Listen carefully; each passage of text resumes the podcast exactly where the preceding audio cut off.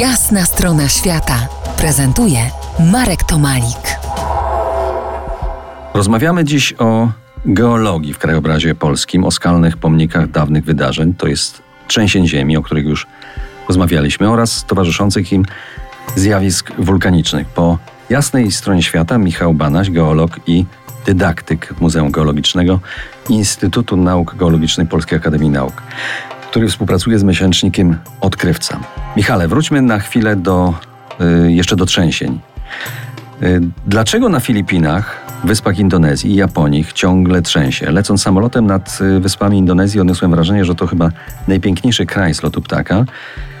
Tam na ziemi oczywiście z pewnością jest mniej bezpiecznie, ale z góry wulkan, koło wulkanu yy, nie sprawia jakiegoś zagrożenia. To jest tak zwany pacyficzny pierścień ognia. Musimy sobie zdawać sprawę, że Atlantyk otwiera się, tak jakbyśmy rozpinali koszulę zamkiem błyskawicznym, a po drugiej stronie mamy coś takiego, które się zamyka. Dokładnie tak, jakbyśmy zamykali.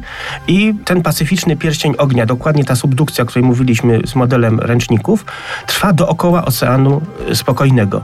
I bardziej aktywną częścią, bardziej niespokojną jest ta część od strony tutaj mm, Filipin, Japonii, ta Fukushima to właśnie stąd się wzięło. Nieco bardziej spokojną jest strona Ameryki Północnej i Południowej, ale to jest pozorny spokój, ponieważ te naprężenia wyładowują się rzadziej, czyli są tam trzęsienia typu właśnie czekamy na uderzenie w San Andreas, czy to wielka y, trzęsienie opisane najmocniejsze y, u Kuczyńskiego alarmie pod Andami, to właśnie było na terenie Ameryki Południowej, czyli po stronie y, Filipin, Indonezji są rzadkie, są mniejsze wstrząsy, ale częściej, a rzadko silne po stronie drugiej. Tak to jest konstruowane.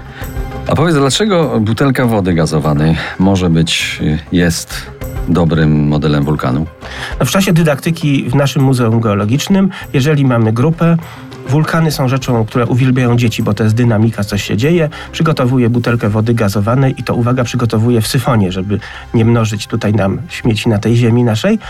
I lekko wstrząsam i odkręcam i pokazuję, że dolna część butelki woda jest klarowna, górna część butelki woda ma bąbelki, natomiast z korka wyskakują kropelki wody do góry.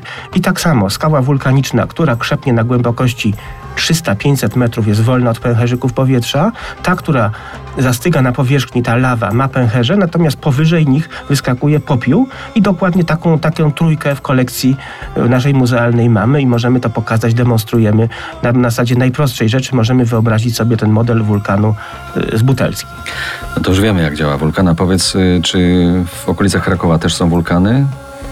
Najbardziej takim spektakularnym wulkanem, na który sobie możemy wyobrazić, jest wzgórze, na którym jest zamek w Rudnie.